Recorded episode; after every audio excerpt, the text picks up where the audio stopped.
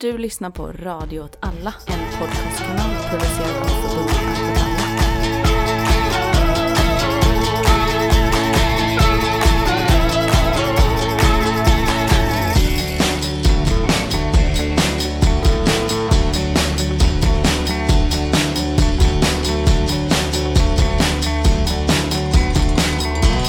Hej och välkomna till Rörelse med mig Martin Hansson. Och perspektiv, Myran Andersson. Eh, Miriam Andersson, vår slogan och ditt namn är Udda krig och perspektiv. Det kan man fundera på. Alla kan få fundera hemma. Riktigt störda föräldrar. Idag är det ju som utlovat ett eh, kultursvepsavsnitt. Är det utlovat verkligen? Idag är det som utlovat lite snack om PKK. Och sen så kommer det ett kulturavsnitt som det så ofta är på sommaren. Okej, jag kanske har sagt det på Twitter någon gång, men det Aha. räknas inte som utlovat kanske. Jag lovar mycket saker där. Okej, snack om PKK. Kurdiska arbetarpartiet. Kör. Eh, inte vunnit så många val. Det har de inte gjort. Det går dåligt för dem i parlamentariska. Det är för att de är förbjudna i de Just parlamentariska valen. Ja. Det. Ja, det är ju en stor grej med eh, PKK. Det är det vi ska prata om på något sätt. Turkiet är arga på oss. Jättearga. Eh, Erdogan är arg. Han vill ha F16 och eh, inskränkningar i våra demokratiska rättigheter för att vi ska få gå med i NATO. Precis. Och sen så har Magdalena Andersson och Ann Linde skrivit på något protokoll i Madrid, var det Ja. kanske? NATO-mötet i Madrid. Och eh, det verkar vara en text som är skriven på ett sätt där ingen riktigt lovar någonting, men alla hintar om att de ska plisa den andra sidan jättemycket. Så Mm. kan man väl säga. Så båda kan säga för sin hemmapublik på något sätt, vi fick precis det vi ville ha i det här avtalet, Mm. utan att det på riktigt är då förpliktigande på något sätt överhuvudtaget. Men problemet med att sluta ett sådant avtal är ju att när då den andra sidan inte håller vad de lovar, vad de hintar om, då så surnar ju hemmapubliken till och då måste man säga att löftet är brutet. Mm. Och det är väl precis det som händer nu då, att Erdogan har sagt till sin hemmapublik att Sverige har lovat att terrorklassa inte bara PKK utan även YPG och PYD och även den här eh, Gülenrörelsen, Fete som de kallar det. Feta-rörelsen. Eh, ja, På skånska blir det inte bra. Fetullah, Mm, Nej, eh, någonting, Någonting. Terror Organization, Ja. vilket är liksom ett riktigt clean namn ifall Mm. man skulle ta det till sig själv. Ja, precis. liksom. Men jag tänker att det är lite som att ta tillbaka bög. Ja. Alltså att vara så.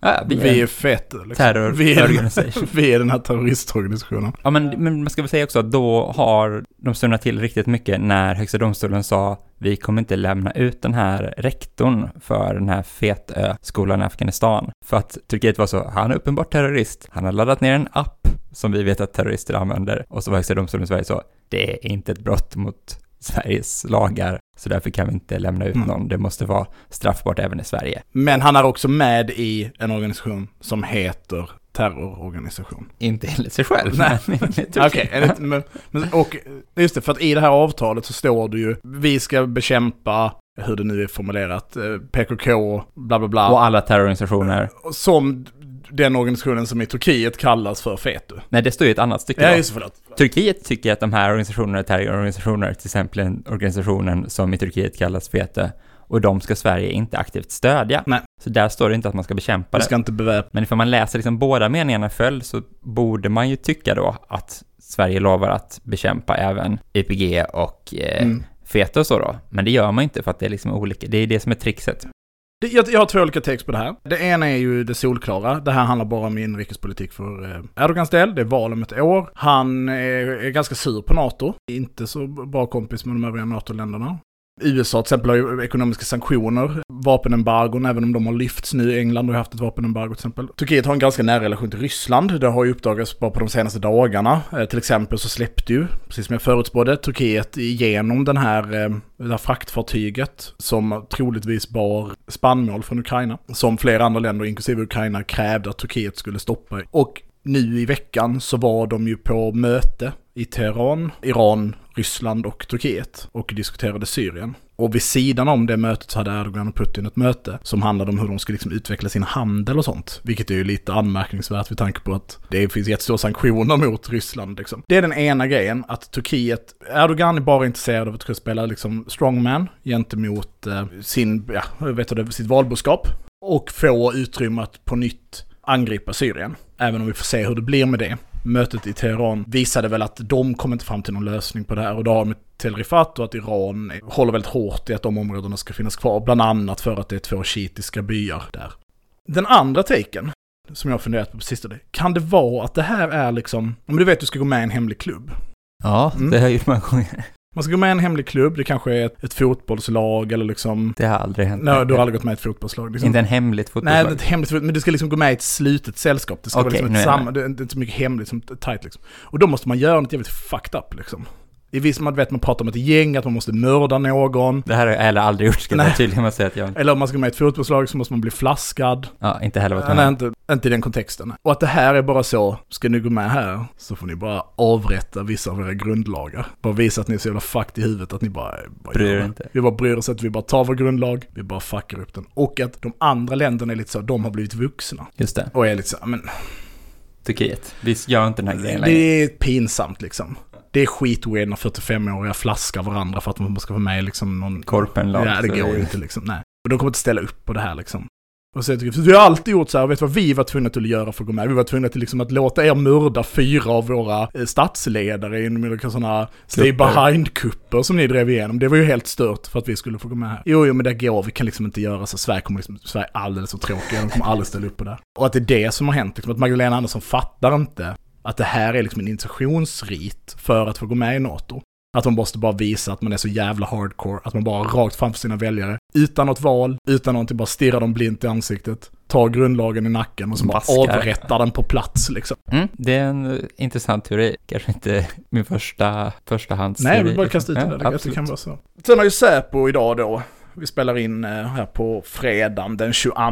Ja. Säpo har, på tal om att göra ballsy moves, så har alltså chefen för vår säkerhetspolis, a.k.a. den hemliga polisen, läderrock, läderhandskar, waterboarding-gänget liksom, tar egyptiska flyktingar och bara skickar dem till tortyr i diktaturer. Det gänget liksom, har gått ut och varit så. Vi tycker att vi borde förbjuda att man demonstrerar för PKK i Sverige.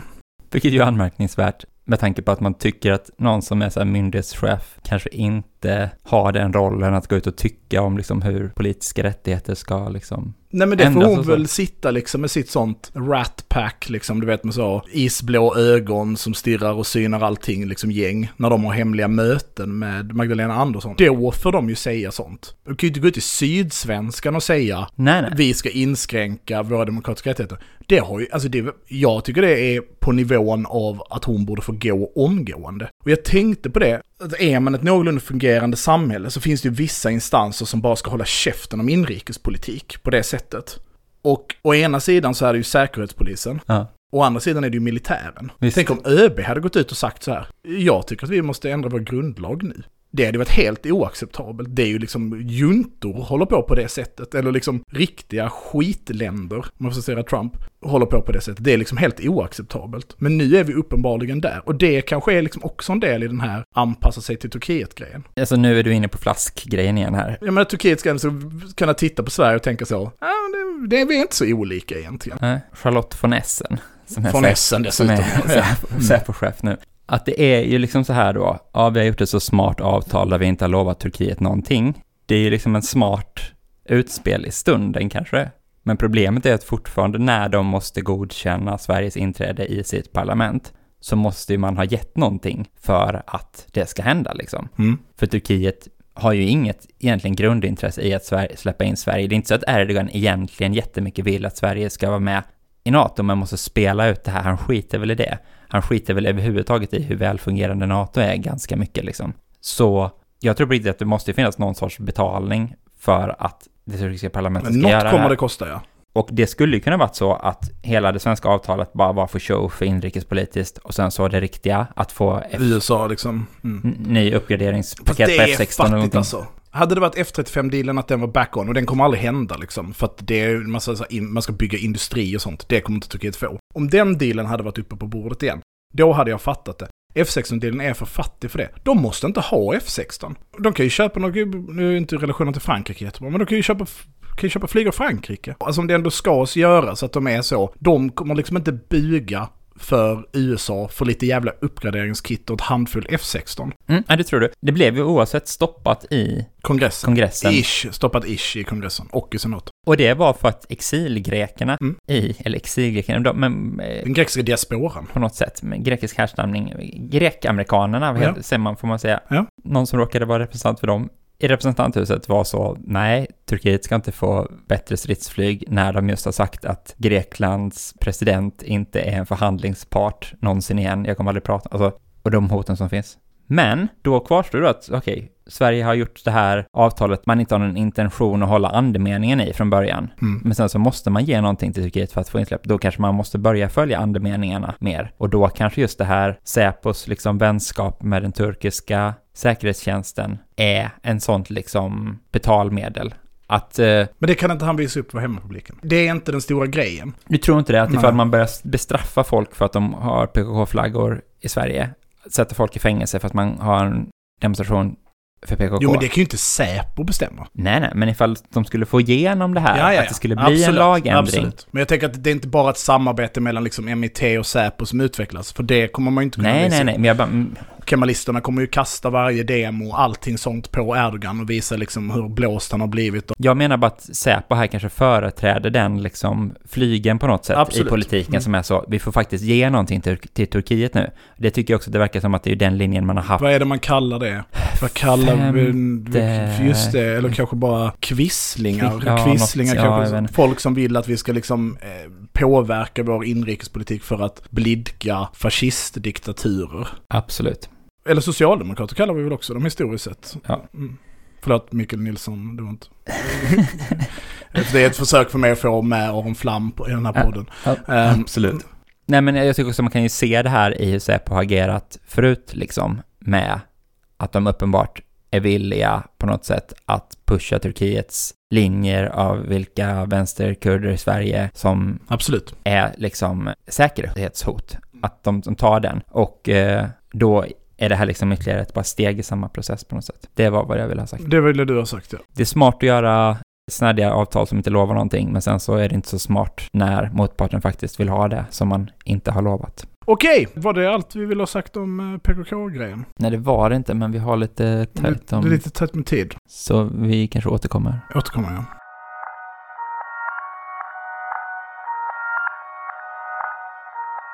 Okej, kultursvep. Det är sommar, fortsätter. Vi har varit på bio och vi har också med oss en gäst. Sveriges ledande skorstensvetare. Ja, eller skorstensgubbe. Skorst- Sveriges ledande skorstensgubbe. Mm, jajamän. Oscar heter du. Ja. Känd som Jacques Chirac på Twitter. Ja. Ja. Vi har sett eh, Top Gun Maverick. Det är sant, vi har också sett den första Top Gun innan Top dess. Gun, Top Gun. Fast inte på bio då, utan den såg vi hemma före. drickandes Cosmopolitans. I mars, den 3 mars 1969, så bestämmer amerikanska flottan att de ska etablera en elitskola för topp 1% av sina piloter. Syftet med den här var att lära ut en förlorad konstform, den av luftstrid. Du direkt översätter nu alltså texten i början på filmen. Och för att försäkra att en handfull av de här männen som tar examen var de bästa stridspiloterna i världen. De lyckades. Idag kallar flottan det för stridsvapenskolan. kan de inte, kan de inte kalla den. Men flygarna kallar den Top Gun! Top Gun. Ja, precis. Vi har sett Top Gun med Tom Cruise. eh, Den yngre och den äldre. Den fulare och den Nej. snyggare. Ja, vi, kör, vi kör det direkt då. Okej. Vi bara kör det direkt. Handsken av. Nej men Oscar är här, du får säga. sk- skala 1 till 10. Tom. Cruise. Mm. Jag skulle sätta honom på en eh, fyra. Yes! Han är fan sjuk i huvudet alltså. I båda, alltså, både unge Tom Cruise och äldre Tom Cruise. Nej, men han är gulligare när han är yngre. Då skulle han nog kunna vara en eh, sexa. Jag tycker inte om de här kråksparkarna på den gamle Tom Cruise. Jag tycker ju tvärtom då att... Kan du ranga honom då? Rangord, alltså jag ska sätta en siffra på Se Tom, siffra. Tom Cruise som ung, fyra. Tom Cruise som gammal, sju. Men, Så bara så vi, vi är klara med mätvärdena här. En, en fyra, det är alltså en person som ser sämre än den genomsnittliga mannen. Nej, den genomsnittliga filmskådisen. Det är ju en helt annan. Japp. Så det här måttstocken är, en, femma är, vem är en femma då? Det vet jag inte, men en tia, det är Tom Hardy i Rock'n'Rolla. Där- Det är liksom the golden standard. Okej, d- men du tycker åtminstone att det blir bättre i... eh, En tvåa är kanske Thomas från Brömsen. Eh, Okej, jag skulle säga unga Tom Cruise, en sjua. Gamla Tom Cruise, för sin ålder sett en nia. Sen är han kort. Det är han. Tror jag. Är det negativt? Ja, det är, det är negativt. Du vet att det är short guy summer? Jag trodde länge att det handlade om kortbyxor. Jag trodde det var min sommar. Sen fick jag reda på att det var korta män och jag blev skitmissnöjd. Jag var äntligen såhär, nu är det min sommar, kortbyxornas sommar. Okej, vi lämnar utseendegrejen. Vi får lägga upp någon poll igen om det här. Jag ska ändra svarsalternativen så att det blir mer fördelaktigt att rösta som jag tycker. Och så går vi över till själva filmen. Då är du, kan man väl spoilervarna då? För vi, vi kör väl bara all in här liksom på, på filmerna. Ja, vi börjar med första. Vi börjar med första. Och den här filmen, den handlar ju om eh, Maverick då. Som är en stridspilot tillsammans med sin, eh, vad säger man, andra pilot? Goose. Wingman. Ja, eller är Wingmanen det andra planet? Ja, det är det ja. Just det, ja. Och filmen kretsar alltså runt eh, Maverick då och Goose. Som är ett, sitter i ett, en F-14 Tomcat, en dubbelsitsig, tvåsitsigt eh, jaktflyg tillhörande flottan. Så det kan liksom åka upp från hangarfartyg. De är inkallade till den här vidareutbildningen då, Top Gun, där man ska vara den bästa av de bästa piloterna. Finns den på riktigt? Om det finns en flygskola för flottan. The Top 1%, där de ska bli extra superbra. Den finns och den grundar ju sig då i precis som eh, texten i början i filmen på att eh, man var rätt missnöjd med resultaten i luftstriderna under då Vietnamkriget. Och det var ju den första reflektionen jag hade var vilken förolämpning det är mot John McCain. Just det. För John McCain, numera död amerikansk politiker, han skjuts ju ner i eh, över Nordvietnam 67 och sitter ju fem och, fem och ett halvt år på hotell Hanoi, eller Hanoi Hotel. Och eh, han blir nedskjuten en del av Operation Rolling Thunder eh, när han är, är där och ska bomba, bomba Nordvietnam. Eh, då flyger han en sån A4E Skyhawk. Han hade ju uppenbarligen lost the art of aerial combat. Det får man ju säga då. Mm. Är, det, är det Trump som hånar folk som har blivit Mm. tillfångatagna i Vietnam? Att han åkte inte dit, men han blev i alla fall inte tillfångatagen. Nej, han var inte sån loser. Så han blev nedskjuten över, över Nordvietnam. Det var ju rätt mycket luftstrider i... i eh, det, det var väldigt mycket luftstrider eh, under Vietnamkriget. Det glöms liksom bort i den här myten om Vietnamkriget. Det har vi pratat många gånger om i podden. Men det var ju en, ovanför Nordvietnam framförallt så var det ju eh, tungt med, med luftstrider. Eftersom att Nordvietnams flygvapen också hade massa toppmoderna eh, jaktplan. Men precis som du säger, de blev inkallade till den här eh, Top Gun-skolan då. Efter att eh, de är med i liksom ett kon- en kontakt i, i luften. Det är inte en riktig luftstrid, men de, de stöter liksom på de här fientliga MIG-28 som är ett plan som inte finns, men det så ska vara MIG-29 är det väl liksom vid tidpunkten. Filmen är väl inspelad, vad är det, 85? Eller nej? Du säger det det ska vara, men det är väl att de har ju inte MIG-29 att ha med i filmen. För de får de ju inte låna för att spela in en film i Hollywood såklart. Så då måste de hitta på att det finns ett annat plan som ser ut då som det här, de här planen de faktiskt har tillgång till. Vilket är eh, ett annat amerikanskt plan. Ja, det är väl ett övningsplan. De ser inte alls balla ut i... Nej. Så därför måste de hitta på ett fiktivt sovjetiskt plan som de kan... Men det är tydligt att det är ett sovjetiskt plan. Det är ju liksom, annars hade de ju inte kallat det för MIG-28. Om vi ska hoppa mellan filmerna så finns det ju en parallell här och där så specificerar de ju faktiskt inte vad det är för plan. Utan där är det väl bara, där säger de bara Fifth Generation eh, Fighter Plane, tror jag. Ja, det är det som är fiendeplanen i nästa film. Mm. Mm. Det är M- Top Gun Maverick. Eh, var tänker ni att den utspelar sig, ettan? I eh, Persiska gulfen eller där omkring. Det tänker du? Ja, det var väl min tanke också att jag var inne på att det var där någonstans. Det tror inte jag. Jag tror att det här är Medelhavet. Och att det är Libyen som är sinnebilden och fienden. Eh, ni- 81 så händer ju eh, något som heter Gulf of Sidra Incident. Som är ganska snarlikt slutscenen i första Top Gun. Det handlar liksom om att eh, Gaddafi då, han har ju liksom hävdat nautiskt territorium som USA inte håller med om. Och USA håller på liksom och, och posterar eh, fartyg, eh, ja hangarfartyg, eh, i närheten av det här nautiska territoriet och kränker då den gränsen vid flertalet tillfällen som, som Gaddafi har hävdat.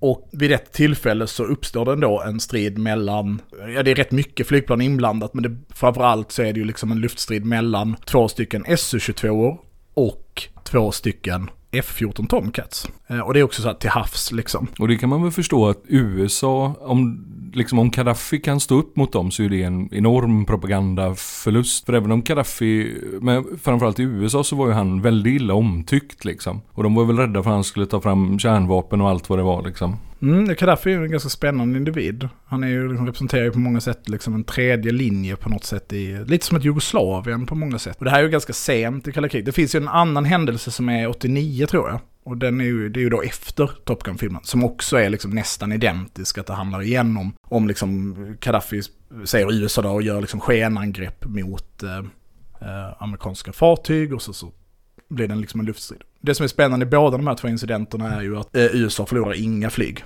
i någon av dem, medan de bekämpar då eh, fienden framgångsrikt. Och det som har hänt eh, ur liksom ett militärhistoriskt perspektiv är ju att USA verkligen kan hävda sin luftstridsdominans på något sätt. De är ohotade när det kommer till det. Det finns ett par sådana här eh, incidenter. Det finns bland annat en eh, situation, sovjetiska jaktpiloter posterade i Egypten, hamnar i luftstrid mot Israel. Och Israel sopar mattan med de sovjetiska jaktpiloterna. Vilket man vet att Egypten blev jätteglada för att det hände. För att då slutade Sovjet håna Egypten för att de var så dåliga när de mötte israeliska jaktflyg. Det är ju förvånansvärt småsint ibland på den ja, geopolitiska nivån. Alltså. Att det verkligen är så att Sovjet bara, ja men hade det varit våra piloter, då jävlar då hade vi vunnit liksom. Och sen så när det blir dem. Men det kanske vi inte behöver fastna i varför, den, varför USA lyckas göra det stora klivet när det kommer till, till, eh, till flyg. Men, men det har uppenbarligen liksom, det finns en definitivt en kvalitativ skillnad då mellan eh, Warszawapakten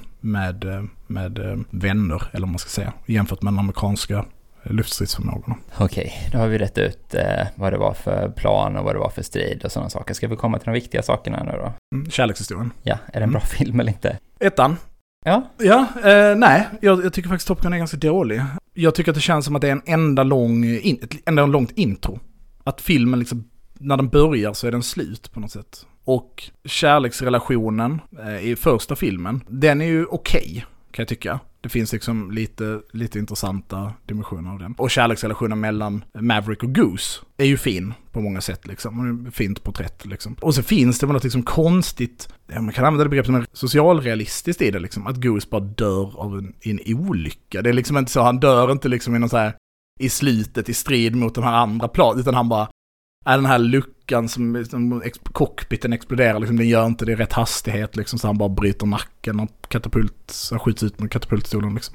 För det traditionella i amerikansk film är ju nästan alltid att någon ska dö som är offervillig. Att någon liksom offrar sig för laget. Det är Just ju det. återkommande väldigt mycket amerikansk film liksom. Och, och, det hade väl, ja det ser man ju den andra då lite grann. Men eh, även om de inte dör, men det, det, är väl en trop kan man väl säga amerikansk krigsfilm. Att någon någonstans ska våghalsigt och med risk för eget liv då liksom rädda en kamrat. Jag var nästan medveten, alltså så här, jag förstår att mitt beslut nu kommer leda till min död liksom. Medans Goose dör ju för att Goose är förvirrad och inte kan dra i katapultstolen tillräckligt hastigt för att eh, Maverick gör lite för balla moves liksom. Absolut, och som när du säger att det är liksom inledningen, att det borde vara upptakten till en annan film liksom, eller till en längre film på något sätt, så är det absolut så för att det är också att det blir ju liksom aldrig riktigt bra i filmen det slutar ju där med att han är död och han fortfarande inte har kommit runt det liksom. Eller så. Alltså, Nej, det, får inte riktigt, det får inte riktigt någon, liksom, någon lösning eller så. Det finns ju också en dimension i det här liksom, realism att säga, ja, det, det blir inte bra sen när en bästa kompis har dött i, i den här flygolyckan liksom. Eller är det så stört så att det blir det? Att så du har förlorat din kompis, det är jättetråkigt och det finns bara ett sätt att läka det här såret. Det är om du åker och dödar lite libyer och får visa att du ändå är en riktig man. Det är så, det är så man läker såren liksom. För det är ju lite så filmen paketeras. Det är ju ändå liksom ett lyckligt slut i filmen i någon mening. Eftersom han har fått vara med i en luftstrid och dödat andra människor. Så, så läste jag inte ens det när jag såg det, men okej. Okay. Kan du förstå? Ja, jag, okay, okay. att man skulle kunna tänka och Ghosts det... ande där och vägleder honom. Precis liksom, som en yoda Så det fanns en poäng att han dog då, ja. att han liksom kunde det var inte förgäves. spirituellt vara med så. Det var inte förgäves. Och då kunde han och Iceman bli vänner. Och då så kunde de gemensamt bekämpa fienden. Okej, nu kan jag, nu kan jag se. Ja, du, och Iceman är ju den bästa piloten. Ah, ja, han det, vinner ju. Han vinner ju och han dödar också inte sin, sin uh, andra yep. pilot liksom. Nej men, uh, Ja, men jag håller väl också med så här om att den här kärlekshistorien är ju liksom ändå på något sätt det bästa i filmen. Men även den är ju ganska lökig. Och ganska, alltså det är att han, eh, Maverick är ett barn liksom. Alltså beter sig som någon osnuten tonåring inför den här eh, instruktören mm. han raggar upp på något sätt liksom. Eh, Vad är hon tror vi? Är hon CIA liksom eller så här Department of Defense, Intelligence. Alltså för det, han, hon är väl där för att typ berätta för dem om mig Är det inte det som är grejen liksom? Hon känner ju till att han har gjort den här grejen när han pekar finger åt... Och fotograferar den? Ja. Det, hon har ju tillgång till de hemliga rapporterna om det mm. liksom. Så det tyder ju på att hon kommer från någon sorts, någon sån variant. Men vad fyller hon för utbildningsmässigt syfte liksom? Vad är det hon lär dem? Ja, jag tycker det är väldigt konstigt det här med lär...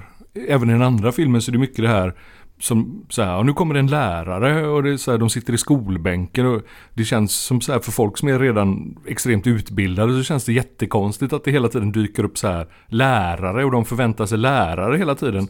Det hade väl mer hört hemma i lågskolan kanske mm. men eh, det, är, det, det, det, det är väl något grepp de gillar att ta får jag en känsla av i filmen att det ska, liksom, ska komma en lärare, att det är något, något berättartekniskt som de uppskattar det för det liksom känns ju inte så himla verklighetstroget.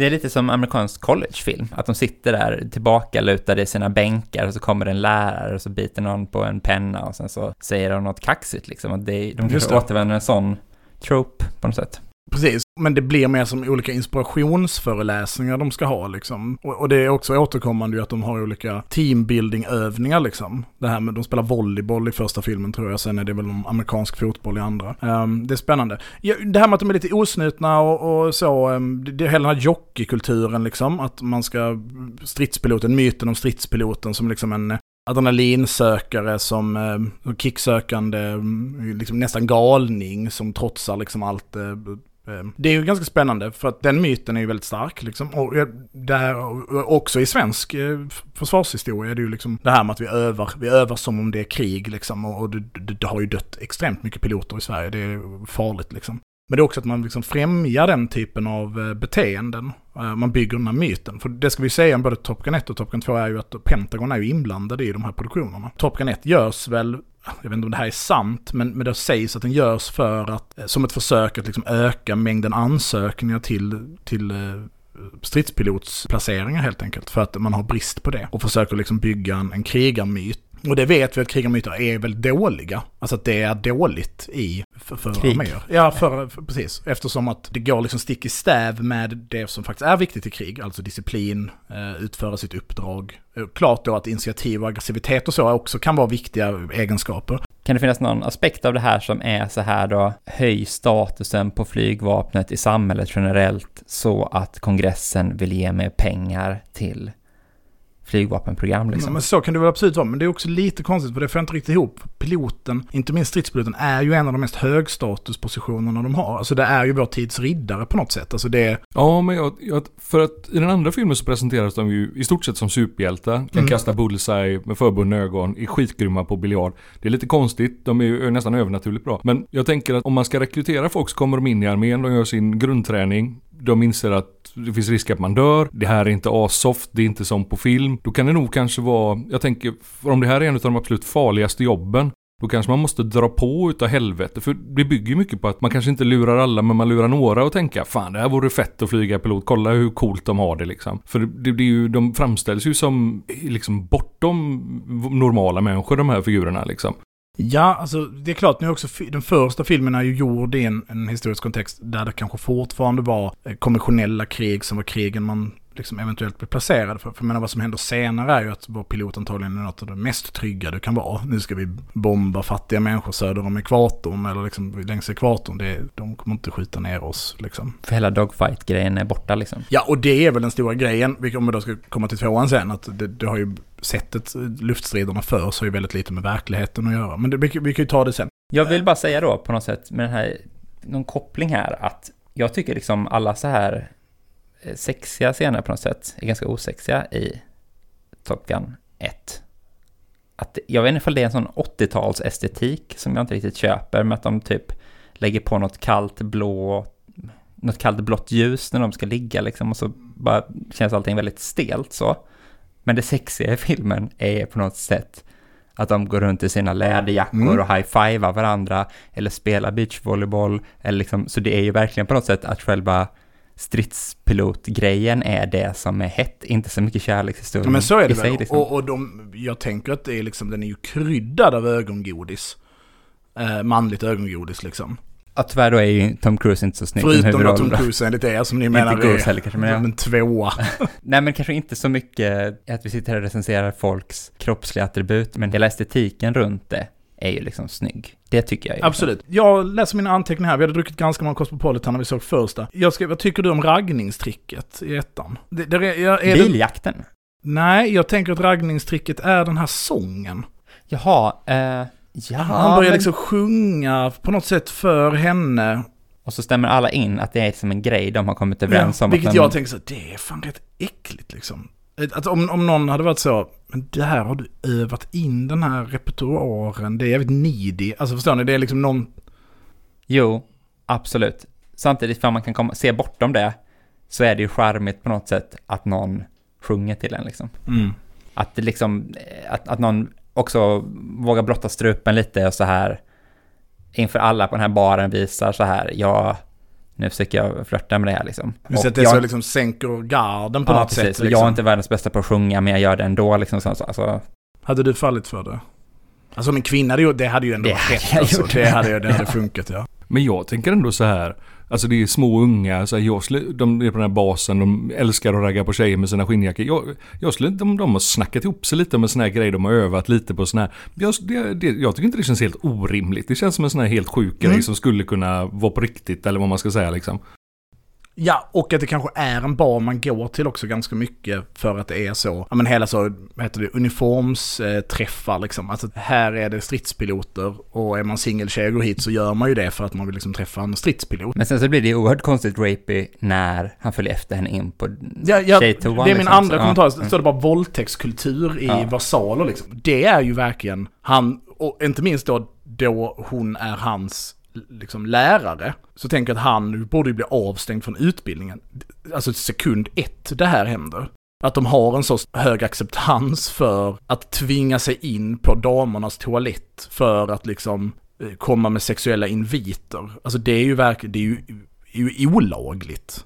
Men ja, det är ju film från 1986. Det är väl delvis att tiden liksom visar mm. lite där också. Man tänker på så här gamla Bondfilmer och annat sånt där. Det, Absolut, det, det, det är ju inte värre än...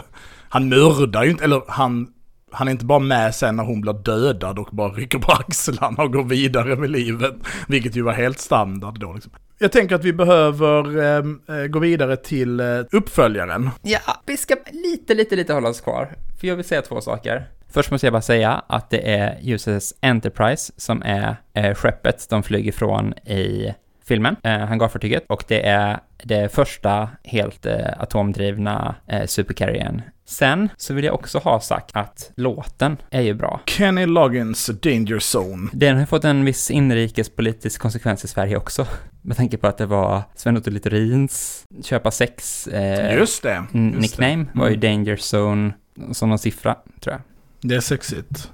Så så sexig är liksom eh, stämningen i Top Gun. Om ni skulle ranka Sven-Otto Littorin, eh, vår före detta arbetsmarknadsminister, 10 grader skala, utseende. Av filmstjärnor? Om det är uppenbarligen Ja men en tvåa då. Han, han är lågt alltså. Det är... Men han är Tom Cruise, eh, han, är, han och Tom Cruise eh, spelar ändå i samma, samma liga tycker jag. Ska jag vara helt ärlig så minns jag faktiskt inte hur han såg ut. Men han var väl kort, var han inte det också? De har något, eh, har de något gemensamt? De har inte något gemensamt va?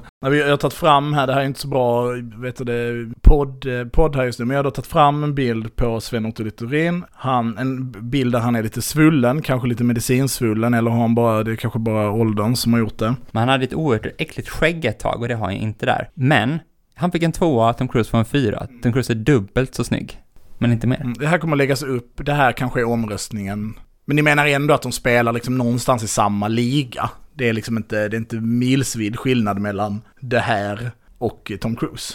Men han har, jag, jag tycker inte han, det är någonting med Tom Cruise som jag inte tycker är, det, det är inte riktigt gott alltså. Nej, han framstår ju som en psykopat. Eh, det är ju det som är det, det som är jobbigt med, med eh, Tom Cruise är ju att man tänker att han eh, inte får ta kokain för att han ramlar ner i grytan som liten. Alltså att han har ett sånt fruktansvärt megalomaniskt kokainbeteende. Liksom att han bara ler och är glad hela tiden och gör sådana wink-wink-ögon till alla.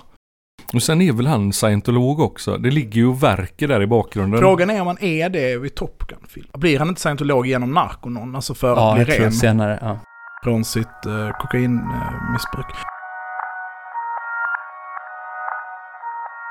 Det som jag tycker filmen håller i, i den här socialrealistiska biten är ju att om man då tar ettan så känns ju den flygstriden och geopolitiska konflikten, den känns ganska rimlig. Och det är väl därför lite som ett, det här med att man hade förväntat sig nästan att det ska liksom vara en röd oktober, att liksom det är ena upptakten och sen blir det krig. Men det blir det inte, utan det är så. Situationen är väl att det, det finns ett hävdat nautiskt område, om vi då känner igen det här. Ett amerikanskt fartyg har blivit skadat på något sätt, så det håller på att glida in i det här hävdade nautiska territoriet och de skickas upp eh, Iceman och Maverick och de, de kallas dit och skickas upp för att liksom skydda det här zonen då under tiden som eh, det här plan, fartyget ska bärgas eller repareras. Och det känns ju ändå som så, men det hade kunnat hända. Det är ju helt rimligt. Man kan tänka sig då en Iran-situation på något sätt. Tänka sig, och då blir det spänning, det kanske blir luftstrid. Men det kommer inte, ingen kommer gå liksom all in i den här situationen, utan det kommer vara liksom trakasserier på något sätt. För den ena parten är för svag för att ja, vi ska ta det här. Men vi vill gärna att lite gisslan och att det liksom så ska kunna ställa lite krav. Men vi kommer liksom inte gå fullt krig för att vinna det. Och det tycker jag är en ganska stor kontrast till den andra filmen, eh, Top Gun Maverick, som vi kan väl börja med nu. Ja. Och om vi då börjar där, där vi började med den andra filmen, och vi har redan gått igenom Tom Cruise utseende i den, jag tycker att han är snyggare i den andra filmen. Eh, jag tycker åldern har eh, verkligen gjort någonting. Men det håller jag med om. Och det är väl att hans spjuveraktiga utseende, som ju annars faller dig i smaken, har liksom åldrat till sig på ett bra sätt till, till den andra filmen. Ja, det passar bättre på honom som vuxen. Det är för mycket när han är ung. Vi rangordnar, förlåt, vi kanske ska rangordna första filmen. Hur många udda krig och fem nu på en femgradig skala helt plötsligt. Två. En tvåa. Ja men det, det är nog rimligt tycker jag. Ur måttet liksom all kultur så skulle jag säga två. Ur liksom en krigsfilm så tänker jag att den ändå får en trea för att det är väldigt lite krig i den och det är det tråkiga med krigsfilm. Okej, okay, fair enough. Mm, så skulle jag säga. Men den trea, den är, det är också ett litet annat grepp. Det finns ingen riktig game over man attityd, utan de är glada och det är liksom, det är pepp. Och det känns också som lite en realistisk eh, situation på många sätt. Så. Men är det en krigsfilm eller är det typ en sportfilm? Det är en bra fråga. Jag skulle säga att det, det militärtekniska av det gör att det ändå placeras. Lite som Tigerland kanske. Hade man kunnat, jag vet inte om ni känner till den. Nej. J jättebra film. Eller den uppskattar. Det är en av mina favoritkrigsfilmer. Om det nu är det. Men den utspelar sig liksom bara på träningsplatsen inför Vietnam. Men det är ju liksom en krigsfilm för den handlar ju om krig även om de inte befinner sig i krig på något sätt. Eh, Top Gun Maverick då. Vilket land handlar den om? Eh, vi tar liksom den stora berättelsen då, om man inte har sett den och inte tänker se den, så är ju eh, situationen är eh, Tom Cruise har inte lyckats stiga i graderna på något sätt. Han är fortfarande kapten. Han är för mycket av en Maverick för att kunna bli ordentligt mm. rankad. Han är en speedfreak liksom. Han vill fortsätta bara köra snabbt. Uh, han håller på med uh, att vara pilot, testpilot till olika toppmoderna flygplan. Um, han fuckar upp det, blir skyddad av Iceman, plockas in för att utbilda en ny grupp uh, stridspiloter vid Top Gun, alltså vid den här skolan, för att de ska utföra ett väldigt farligt uppdrag som är att bomba Ja, vad är det nu egentligen de ska bomba? Är det en reaktor eller är det en... Ut... Ja, det är båda två. För först är det en uh, anrikningsanläggning och sen senare är det en reaktor. Och sen smäller den som 17 när de bombar den också. Så det kanske var lite sådär ammunitionsdepå också, det är oklart. Den är, den är någon, det har något med eh, radioaktivitet att göra. Något med kärnkraft på något sätt att göra. Fast den är inte installerad den kärnkraften. Nej. För då kan man inte göra det här bomben, utan det, den ska strax sättas i bruk. Och därför måste man bomba den innan. Så det är kanske varit ett ammunitionsförråd, de har inte flyttat bort all ammunition mm, Men de ska börja ha anrikningsanläggning och sen kanske bygga till en reaktor kan mm. man tänka sig. Så det är ett väldigt farligt uppdrag. Det är i ett fiktivt land, namn, landet eh, namnges aldrig, men vi får, får, vi får lite terrängbilder, vi får se lite liksom olika detaljer. Vilket land? Det sägs också att det är ett land som nu har brutit mot NATOs överenskommelse på något sätt. Och det får mig bara, mycket baserat på terrängen, att utgå från att det här är Norge. Ja, jag, jag, är mer inne på att det är, inte är Norge utan att det är Iran då. Men för de, de säger ju att NATO inte godkänner att de har den här eh, kärntekniska anläggningen av något slag, någon förbigående sådär. Vilket jag visste inte att NATO hade sådana, det var väl mer FN trodde jag som var på, eh, eller de hade väl något multilateralt mot Iran. Men det är väl nära nog kanske. Just det, för det finns det här kärnvapen eh, och kärn, kärnkraftsavtalet med Iran som ju Obama skapar för att lätta trycket, om jag inte missminner mig, med Iran. Det är på tapeten igen. Både alla parter har ju frångått det, men det förhandlas fortfarande om att återuppta det, vilket handlar om att Iran vill få ha kärnkraft. USA och framförallt Saudi eh, inte vill att Iran ska få anrika uran för att kunna skaffa kärnvapen. Och Israel då ska säga så jag är inte så glad i det. Jag skulle säga att det är Iran. Alltså att det är Iran och det finns en springande punkt varför det är Iran. Och det är för att de har F-14 Tomcat. Det sägs i förbifarten, spelar en ganska viktig roll i filmen, men det är att det här landet, förutom att de har femte generationens stridsflyg, vilket ju får en att tänka att det är Kina. Mhm. Kan vi komma till varför det inte är Kina? Eller Norge skulle man kunna tänka sig. Det skulle också kunna vara Norge, förutom att, eh, förutom att Iran är det enda andra landet i världen som har F-14 Tomcat. Vad vi vet. Man kan ju tänka sig att USA någon gång har haft F-14 Tomcat i Norge. Alltså, som, De glömt kvar. och så har de blivit kvar. Mm. Det, det är många saker som talar för att det inte är Norge. Jag vet inte hur Irans geografi ser ut och så. Så jag kan inte uttala mig om det. Men jag vet hur Norge ser ut ganska mycket. Och fjordar och bergsdalar, det har de i Norge. Det kan jag tänka mig att de har i Iran också. Det ligger jämte havet. Det kommer ett amerikanskt hangarfartyg som det har gjort nu i senaste månaderna. Cold eh, Response-övningen var utanför Norges kust. Helt realistiskt med ett amerikanskt hangarfartyg där. Jag tycker att vi har ungefär lika bra argument du och jag. Bergen eh, kring eh, Teheran är ju väldigt kända, ofta fotograferade. Så det, det kan ju vara Iran också. Men Finns det fjordar där? det som talar för Norge Eh, är ju att det är väldigt nära kusten, det är väldigt grönt och det är liksom, det finns de här dalarna och så. Medan jag tänker att bergsområdet i Iran ligger längre norrut. Det här vet inte jag, jag bara gissar. Okej, vi kan få in Tomcat igen. Det, det är verkligen relationen till Norge har väldigt snabbt, vad heter det, degenererat. Vid tanke på att Norge uppenbarligen har köpt ryska SU 57 tror jag det är med det är det det är filmen. Det är inte bara det de har gjort. Men där tänker jag att den här eh, fonden de har med alla oljepengar, den skulle ju faktiskt kunna köpa moderna flygplan. Iran har ju inte en chans, de har ju inte de pengarna. Det finns inte saffran nog i hela Iran för att köpa liksom moderna flygplan. Nej, det är väl förvisso sant, men Norge har väl också köpt jättemånga F35or, som ju är femte generationens stridsflyg, men som de väljer att inte använda, utan istället så väljer de, de dumpar det, de går över till SU57or, SU57 Fellon, de satsar på det istället. De har också köpt eller kommit över på något sätt S125 luftvärnssystem. Alltså det här jättegamla, jag vet inte om det är 60-tals eh, långdistans robotsystemet. Som de har liksom kryddat sina bergstoppar med. Okej, så allting stämmer inte för Norge, allting stämmer inte för Iran. Det kan vara både. Vi vet inte. Det, vi vet inte, och det kan också vara, den här fiktiva platsen kanske är en blandning mellan Norge och Iran. Det är någonting jag direkt Mm. Ställer mig bakom. Norge är väldigt kristet, är det inte det? Det- det- Jag vet, ja lite mer än Sverige Ja. är det väl men eh, Ja men okej. Ja, det, det är inte, de är ju rätt okristliga också, mycket sådana dödsmetallband och det Just tyder det. väl på att de är kristna för det brukar ju vara sådär. det funkar liksom mest i den kontrasten. Men då på tal om F35 så är ju situationen att vi, det är ju lite udda att de inte använder F35 Utan de i filmen, i, i uppföljaren så är det ju F18 Super Hornet, tror jag den heter, som är stridsflyget som används istället. Och han Tom Cruise, jag kommer inte ihåg, men säger inte han något i förbigående om att det är det planet de måste använda eller Mm. något sånt? Ja, han motiverar det inte så noga liksom. Ja, det är GPS-blockering säger de. De säger att det är GPS-blockering. Vad det betyder riktigt i sammanhanget och varför det omöjliggör F35, det framgår inte riktigt. Utan det blir, det finns en väldigt praktisk förklaring till varför det är F18 Super Hornet som är F35 man har bara, eh, det är bara ett ensitsplan. Så hade man tagit F35 istället så hade man liksom inte kunnat få den här Goose Son-grejen. För det är ju den stora, del, den stora berättelsen i filmen, förutom den bedrövliga kärleksberättelsen. Fruktansvärd. Ja, den är verkligen konstigt dålig. Där det då kretsar runt eh, Maverick och Goose dödade då från första filmen hans son. Eh, och spänningen mellan dem. Och då hade man inte kunnat få den här att de liksom med, eh, att det blir samma historia igen liksom. För det är ju väldigt tydligt att det ska vara en hommage, att de försöker återanvända scener och liksom göra fanservice så. Och det, det är väl så man gör numera, så det kan man väl inte riktigt beskylla dem för. Även om det, liksom, det är inte exakt samma, men man ser ju liksom hur det återkommer vissa scener och sånt.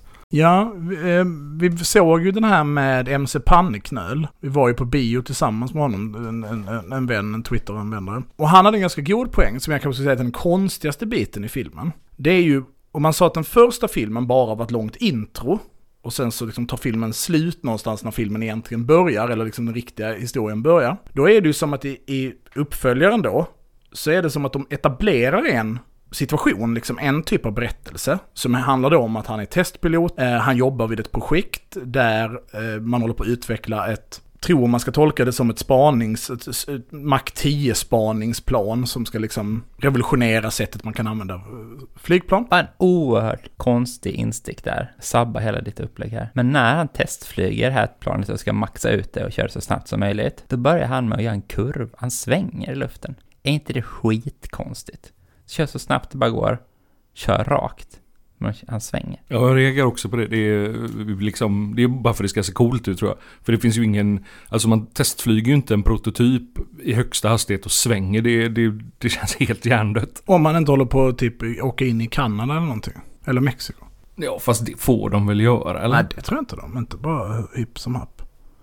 Han är ju en Maverick. Men då etableras det i alla fall att liksom han gör det här projektet, Pentagon vill stänga ner det här för att, citat, drönarkungen, vilket eh, annars är en referens till Obama, vill stänga ner det här projektet för piloter är liksom dåtiden, det här är liksom gammal teknik, framtiden är drönare. Och där trodde man ju att den storyn, att det fanns någonting där, att det skulle liksom vara, Tom Cruise representerar liksom det gamla, men där liksom människan står i centrum och så skulle det vara liksom en kamp om maskinen mot människan eh, och liksom hur Tom Cruise ändå liksom är en riktig pilot medan de här drönarpiloterna då sitter i någon jävla container liksom i Nevada och har det gött och så medan Tom Cruise ändå det är blodsoffer, det vet det är hjälteberättelsen, det är speedfreaks. Och att det skulle finnas en konflikt där. Men den storyn bara klipps bort och så bara handlar det inte alls om det. Utan istället då för att när de ska ta den här reaktorn, anrikningsanläggningen eller vad fan det nu är, så hade de ju också bara kunnat gjort det med en drönare. Ja, ja men det är väldigt konstigt för det är, det är väldigt hårt de säljer in det om man inte har sett filmen i början. Alltså det är liksom allt det handlar om. Mm, och man första... ser hur det byggs upp ja, liksom. Ja. Att, och att han ondingen där, alltså, han heter väl till och med Kane. Alltså heter eh, drönarkungen då på något sätt. Och sen bara är det så här, ah, nej okej nu handlar det inte här längre, du ska till Top Gun och så ska du utbilda Goose Zone istället till att, till att göra det här Star Wars-movet. Det kanske vi ska kommentera. Ja. På tal om memberries då, alltså som man då säger att den är ju väldigt mycket det. Men så helt plötsligt får vi en väldigt tydlig passus till Star Wars. De ska flyga igenom en dalgång för att undvika kunna bli beskjutna, alltså precis som i Dödsstjärnan. Sen så ska de leverera en, eh, en robot. En laserstyrd bomb är det väl strikt sett. Ner i ventilationshål. Så det är trench run-scenen i Star Wars är liksom bara replikerad här. Ja. Och, ja, ja, det är ju liksom, jag vet inte om de tyckte det skulle vara liksom cute att man så här refererar till Star Wars, men det, det, det är ju bara jättekonstigt när man sitter och ser filmen, för man är så här, men det här, är, det här är ju exakt Star Wars liksom. Det här är ju dödsstjärnan. Det, förstår inte varför de valde exakt likadant. Liksom. Nej, och då kanske det är en hommage till Star Wars för att också första filmen gör det. Ni kommer ihåg att ni pratade innan om att att Maverick hör Goose röst när han är i flygplanet. Vilket också är en Star Wars-grej ju. Alltså när Luke Skywalker flyger i sitt, eh, sin X-vinge och så hör han eh, och liksom litar på sig själv istället för att lita på tekniken. För det är ju också situationen i filmen, att tekniken funkar inte riktigt. Han släpper det liksom och bara gör det med känsla liksom. Ja, det är de ju väldigt mycket det här don't think just do, säger de ju ett par gånger i filmen liksom. Mm, ja, det, det är spännande. Är det the force? Precis, och att det finns liksom att det, det anknyter liksom verkligen till framtiden där. Ja, men det, det är någonting man reagerar på. Sen så är det så konstigt att det är dåligt eller är det bara lite konstigt, jag vet inte. Men det... Jag tycker inte det stör, för att det, det skapar mer liksom ett löjets skimmer på något sätt, vilket gör det... Ja, jag försökte ta det väldigt seriöst när jag såg den här filmen, så jag retar mig lite på det. Sen om man ska ta lite av de här tekniska detaljerna som händer i filmen, så vi bara får kommentera dem. Um, jag förstår att de behövde bygga en berättelse där det behövdes användas flygplan på det här sättet. Jag tycker själva incidenten i sig, alltså att eh, USA väljer att göra den här typen av angrepp. Man kan väl säga att det då inleds med att de skjuter ett, ja, det ett 20 eh, Tomahawk-robotar som flyger före och som ska angripa framförallt en flygbas där de här 50-generationens eh, jaktflyg som eh, Iran, eh, Norge, Iran-Norge har. De förstöra hangar, slut landningsbanorna, alltså startbanorna så att, så att de inte ska kunna jaga efter de här. För att sen kunna göra det här bombangreppet och dra därifrån. Den biten köper jag. Det finns väldigt konstiga val och prioriteringar vad de använder. Så till exempel är det konstigt att de väljer att låta luftvärnssystemen vara aktiva och orörda av kryssningsrobotarna. Man försöker inte bekämpa dem på något sätt, man försöker bekämpa radarsystemen. De verkar dessutom inte vara radarstyrda utan värmesökande, vilket S125-system inte är. Det är antagligen för att de har tittat på luftvärnssystemen och sagt det här ser mest ut som ett luftvärnssystem i Command Conquer, så vi väljer att ta det. Så den här typen av krigsföring som sker i filmen, på tal om att det första scenariot kändes ganska realistiskt, så, så är faktiskt, inte kanske hur det utförs, men den här typen av angrepp, som jag skulle kanske vilja säga är någon typ av västerländsk liminal krigsföring. Alltså att man man gör vad i närmast skulle kunna sägas är ett terrorangrepp eller liksom ett sabotageangrepp eh, mot fienden. Där tiden är så viktig för att förhindra en riktig svarsreaktion men också eh, magnituden av attentatet eller angreppet är så att det inte nödvändigtvis försätter en i krig. Förstår ni hur jag menar? Alltså att det, det, rör sig, det är mer som en straff, eh, ett straffangrepp än vad det är en krigshandling. Jag tror man säger en militär operation som inte är krig. Eh, military operation outside war tror jag man termen är. Ja, för jag tänkte när jag såg att det här är väl ändå en krigshandling, startar man inte? För jag tänker, den, den de angriper är ju paritet tekniskt. De har ju samma grejer som amerikanarna har. Och, och det känns ju som ett land som är i militär paritet med USA aldrig skulle tillåta den typen av angrepp. Jag menar då, de skulle väl svara mot det här hangarfartyget tänker jag. Och sen är det igång liksom. Men det är mycket som är konstigt med det här också att det seglar upp ett hangarfartyg till en jämnbördig part och lägger sig precis utanför kusten och ingen tänker mer på det. Fast det händer ju. Ja, alltså fast... utanför Kina, kinesiska, kinesiska nautiska territoriet strax utanför den. Eh, när USA åker igen med hangarfartyg, är det Taiwan-sundet eh, till exempel och så. Alltså att den typen av ganska aggressiv patrullering. Men Israel utför ju många av den här typen av angrepp på framförallt Syrien. Eh, men också mot Iran, inte de med, med stridsflyg utan andra liksom sabotageattentat. Som ändå inte försätter de länderna i krig. Men ett tillstånd som kanske skulle kunna beskrivas som ofred eller någonting. Alltså det är, inte, det är inte fred, men det är heller inte krig. Men du brukar väl alltid säga att de här patrullerna är ett tecken på att det inte just håller på att bli krig. För att ifall man patrullerar genom Taiwansundet med ett hangarfartyg och så startar man ett krig, då blir det hangarfartyget utskjutet liksom. Absolut. Så det skulle man aldrig göra. Nej, det känns det... ju tydligt här att, att USA är väldigt säkra på att det här andra landet de kommer inte tolka vår handling som början på ett krig. Förstår ni hur jag menar? Att de förstår att det här är en, det är en begränsad handling som sker för att omfattningen är så pass liten. Och USA kanske då heller inte har förflyttat trupp eller andra saker som hade krävts för liksom en längre operation. Utan det är en riktad och då försätts ju tinget i Norge eller Teheran då i läget där de måste välja, antingen måste vi skala upp den här konflikten nu och försätta oss i krig genom att sänka den, eller så får vi lite ta att det här hände. Hoppas på att skjuta ner flygplanen eller, för där kanske nästan är det konstigaste i hela filmen är ju då när Maverick har kraschat eh, efter att ha räddat eh, Gus son, som heter Rooster, heter han, hans call sign då, eller anropsnamn. Befinner sig ute då i snön, pulsar runt i snön där liksom. Då kommer en Mi-24, jag tror att det är en bulgarisk modell, som anländer eh, till plats. Och då tänker jag direkt, jävlar vad de vill ta den här fången. Alltså, för han skulle de ju vilja ha vid liv. Ja, gud ja. Propagandavinsten att visa upp en levande stridspilot, särskilt kanske the best of the best som är liksom beryktad då. Ja, och inte minst som förhandlingsfråga sen. Alltså Kina och USA har ju haft en snarlik situation där, där det är ett amerikanskt, tror det är en övning, där de som kraschar och så Kina liksom får den här piloten, om det inte är flera, och så blir det liksom en jättestor kris. För en död person är ju död liksom, men nu lever de, alltså, men det verkar de inte alls intresserade av. Istället så, så försöker de bara skjuta ihjäl honom med den här attackhelikoptern. Men jag tror nästan man gör filmen en otjänst också genom att tänka för mycket i verklighet så. Jag tror bara man ska så här enjoy the ride för det, det är mycket som haltar alltså. Ja, fast då är det fel poddrecension du har. Jag vet inte om du har lyssnat på Bumbibjörns-avsnittet.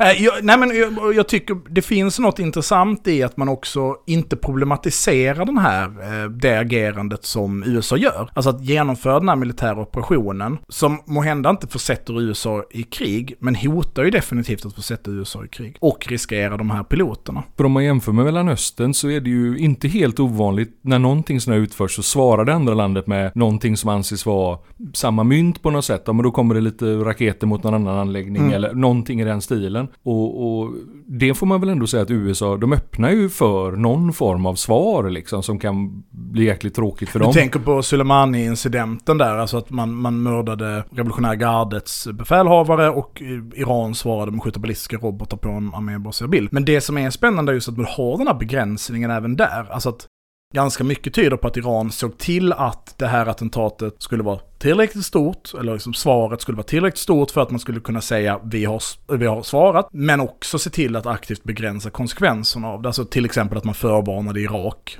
Ja, man vill håller borta från ja. den här basen och bara, de berättar nog för USA att Iran har sagt det. Alltså så. Och det får man väl se som ett försök att, att, att begränsa konsekvenserna. Ja, för där ville man väl visa sin, sin möjlighet att svara men inte döda massa militärer antar jag. Liksom. Nej, men vi får spiralen att fortsätta.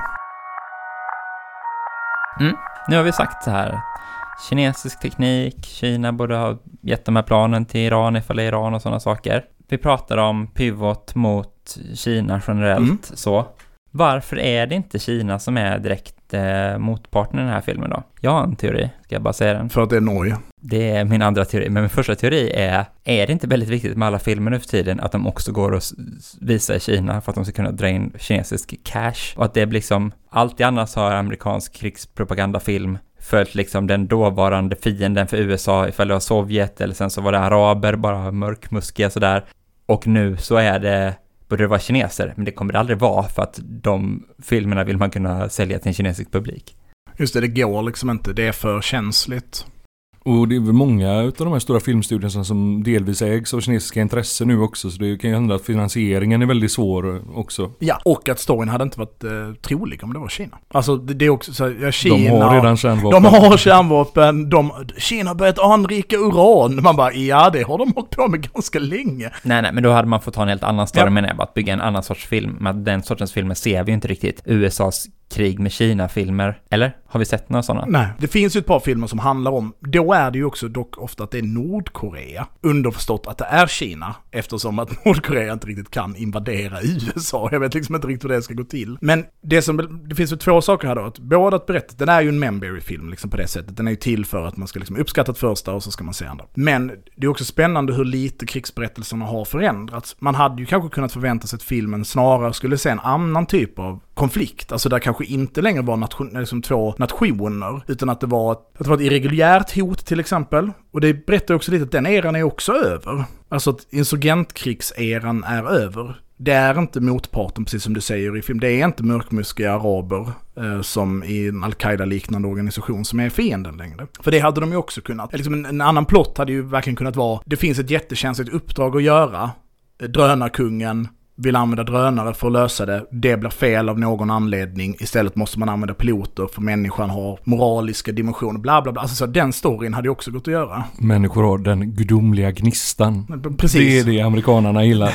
Och att det fanns en konflikt mellan ett helt automat, eller automatiserat drönarsystem i, i relation som misslyckas och då måste man sätta in eh, mänskliga piloter. Det hade ju kunnat vara en story. Men det är liksom inte det, utan det är precis som i första filmen så är det, det är liksom statliga konflikter på något sätt. Och det tänker jag också är, är viktigt för att just eftersom att det här också är en Pentagon-film i den meningen, så är det att går vi in i en tid igen där krigen som ska säljas in är mellanstatliga krig och inte liksom upprorsbekämpning då eller, eller kriget mot terrorismen generellt. Den här filmen har ju varit konstig för tio år sedan, som krigsfilm. Den är konstig nu också. det är den, eh, det är den ja. Här är en konstig detalj. Rooster snackar om, min farsa skulle gjort så här, min farsa var så här. Han var ju så här typ ett år gammal, hans farsa dog. Hur fan vet han om hur hans farsa var som stridsflygare?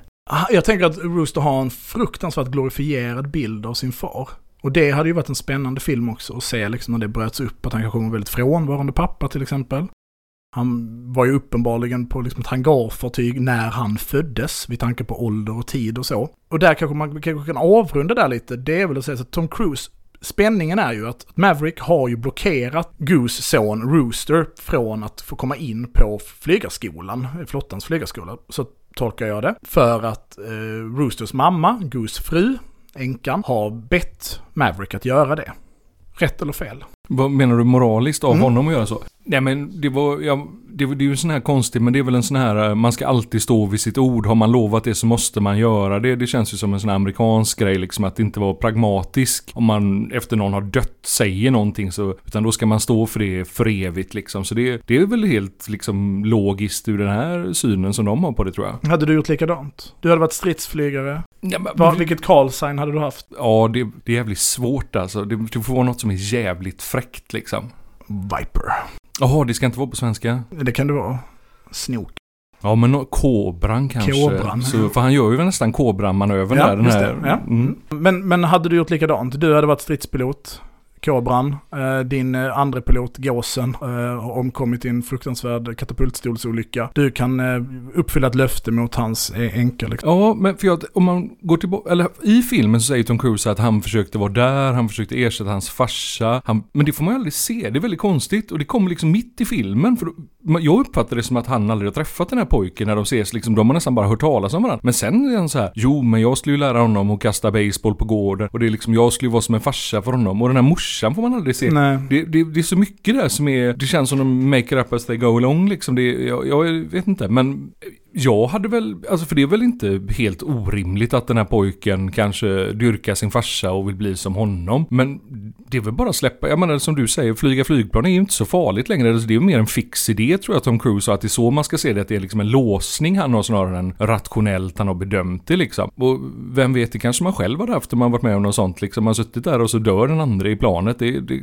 det är nog inte lätt att förutse hur man skulle må efter det. Men det skulle mm. nog hänga med en ett tag. Ja men det är moraliskt rätt och motverka den amerikanska armén. Så det stödjer ju hans försök så tillvida, men annars är det ju tramsigt. Vad skulle ditt eh, anropsnamn vara? På svenska, Myran. Myran ja. Jag har ju googlat runt lite på bra. Den bästa jag hittade Uh, som jag tänker att du annars skulle ha, den är ju på engelska då, det funkar, det är ju rat breath, är trevligt. Uh, att jag skulle ha det? Ja.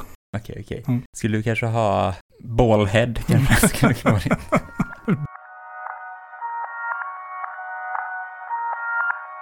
Ja, vi behöver avsluta nu. Jag vill bara säga att eh, hangarfartyget i den här filmen är Nimitz-klass Abraham Lincoln 72, alltså den femte Nimitz-klass eh, hangarfartyget.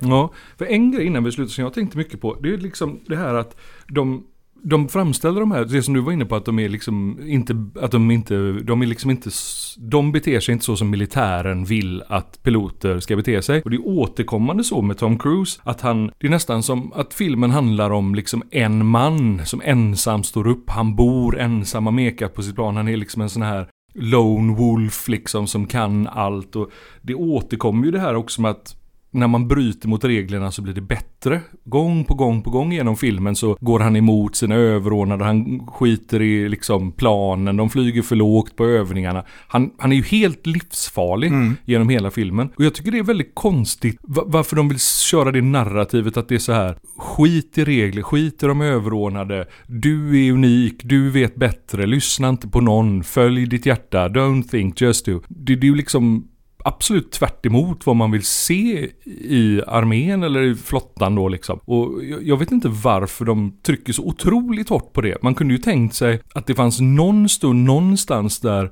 han liksom var så här, ja men du kanske hade en bra idé ändå. Men ingen gång, han Nej. har liksom ensam alltid rätt liksom. Man skulle kunna ersätta hela liksom, den militära överbyggnaden med bara hans röv liksom. Mm. Kunde han bara dra grejer ur den. Och jag, det, det är superkonstigt tycker jag. Nej men det är väl kopplat till den här liksom krigarmyten och krigaridealet. Att det är liksom, det är att vissa är födda med förmågan till krig på något sätt och till strid. Och att det är liksom krigen något fartfyllt och händelserikt och liksom action så. När det i själva verket mest är tågvagnar och fraktfartyg och sitta och vänta. Och att liksom förmågan att göra väldigt enkla men ändå komplexa planer är krigs storhet på något sätt. Och det är väl för att om du vill dra in folk, få dem att vilja vara med i så måste du porträttera det som hypermaskulint och spännande och inte som liksom ett akademiskt yrke för den gruppen som de kanske framförallt i de högre graderna vill ha. Alltså människor som vill analysera och tänka och liksom bli, göra sin del i ett större maskineri och så. De är du liksom de blir inte soldater på grund av vad de har sett på bio liksom. Nej, men jag tänker nog att det snarare är att han har the force. Det kan också vara det. För när han kör det här testplanet så drar han spaken fram, men det kan ingen annan göra som han. Och det måste ju vara kraften som får det här planet att hänga ihop. Det, det finns ingen annan förklaring. Nej, precis. Och, och hans förmåga att hantera då väldigt högt tryck. Mm. Det är också och, han får sparken väldigt många gånger. Många, många gånger. Jag tror åtminstone tre gånger får han sparken på I den här fot. filmen? I den här, ja. det, ja, han, han hänger tunt. Ja, han gör det. Femgradig skala, många gjorde krig, uppföljaren? 1,75 ifall det är alla filmer, eh, 2,5 ifall det bara är krigsfilm. Jag, jag tyckte ju det, framförallt den andra var ju riktigt usel. Det är nog bland det sämsta jag sett på bio tror jag. Om man inte tar sådana här filmer som är avsiktligt dåliga. Så det, det är etta liksom. Det kan inte vara något annat. Nej, jag håller med. Som krigsfilm tycker jag också att den är riktigt dålig. Jämfört då med första filmen, även om den har en viss... Eh, då är ju mer Sidewinder den stora grejen också, även om jag tror att Amram har kommit och så långa. Men bara sättet de porträtterar hur luftstrid går till i den här filmen. Eh, om det som jag ändå tycker höjer den första filmen någonstans, att det finns liksom ett visst mått av, så är det så om man kör ner i en dalgång så har man svårare att låsa med sina värmesökande robotar. Alltså det är liksom... De kunde inte skjuta neråt. Nej. Ja, det, är, det är verkligen en produktionsmiss. Jag skulle säga att det är en, en, eh, det här är verkligen, det här är piss är det. Så kärlekshistorien är så fruktansvärt, vi har inte ens pratat om den. Nej, men, men den är katastrof. Men alltså, jag säger så här, för jag ska ge en film en etta, då vill jag så här, peta ut mina ögon om jag ska kolla på en, gå därifrån. Alltså, det, så kände jag inte. Men det kanske var för att man var på bio. Okej, men en svag tvåa då? Ja, 1,75. En, en etta på all, alla filmkategorier som krigsfilm, en svag tvåa. Men jag tror det med bio kan nog vara, för jag såg den hemma och det, jag liksom upp med mobilen hela tiden. Mina anteckningar är fyllda av så här sarkastiska kommentarer och sådär. Och jag, när man är på bio så är ju sådana här pampiga filmer när man inte ska tänka på att de blir ju bättre. De blir liksom. bättre av det ja. Det är liksom, det, är, det var vissa, framförallt en scen som var riktigt snygg. Och det är ju när de flyger ut och tomahawk-robotarna skjuts ovanför dem. Den scenen var snygg. Sen kan man bli mäkta provocerad av att de inte slog ut radarsystemen då, utan att de, att de istället skulle skjuta dem de, de var ju liksom. också extremt nära att slå ut sina egna flygplan. Ja. Men det, var, det, var, det såg ja. extremt fett ut. Mm. Och på bio var den, var den fett upplevelse. Okej, där måste vi avrunda. Tiden är slut. Alltså inte alltid, utan tiden för det här poddavsnittet ska vara tydlig. Tiden har nått sin hände. Man kan uh, följa mig på Twitter, det heter Trojkan337. Man kan följa dig på Twitter, det heter du? Oomkullrunkelig. Säg det snabbt fem gånger. Och man kan följa dig, Myran. Jag heter attslughall. Ja, man kan följa oss på Instagram, där heter vi eld och rörelse. Man kan följa oss på Facebook, där heter eldrörelse. Tack så jättemycket för att ni har lyssnat. Ha en bra, fortsatt bra sommar. Hej då! Hej då! Hej då!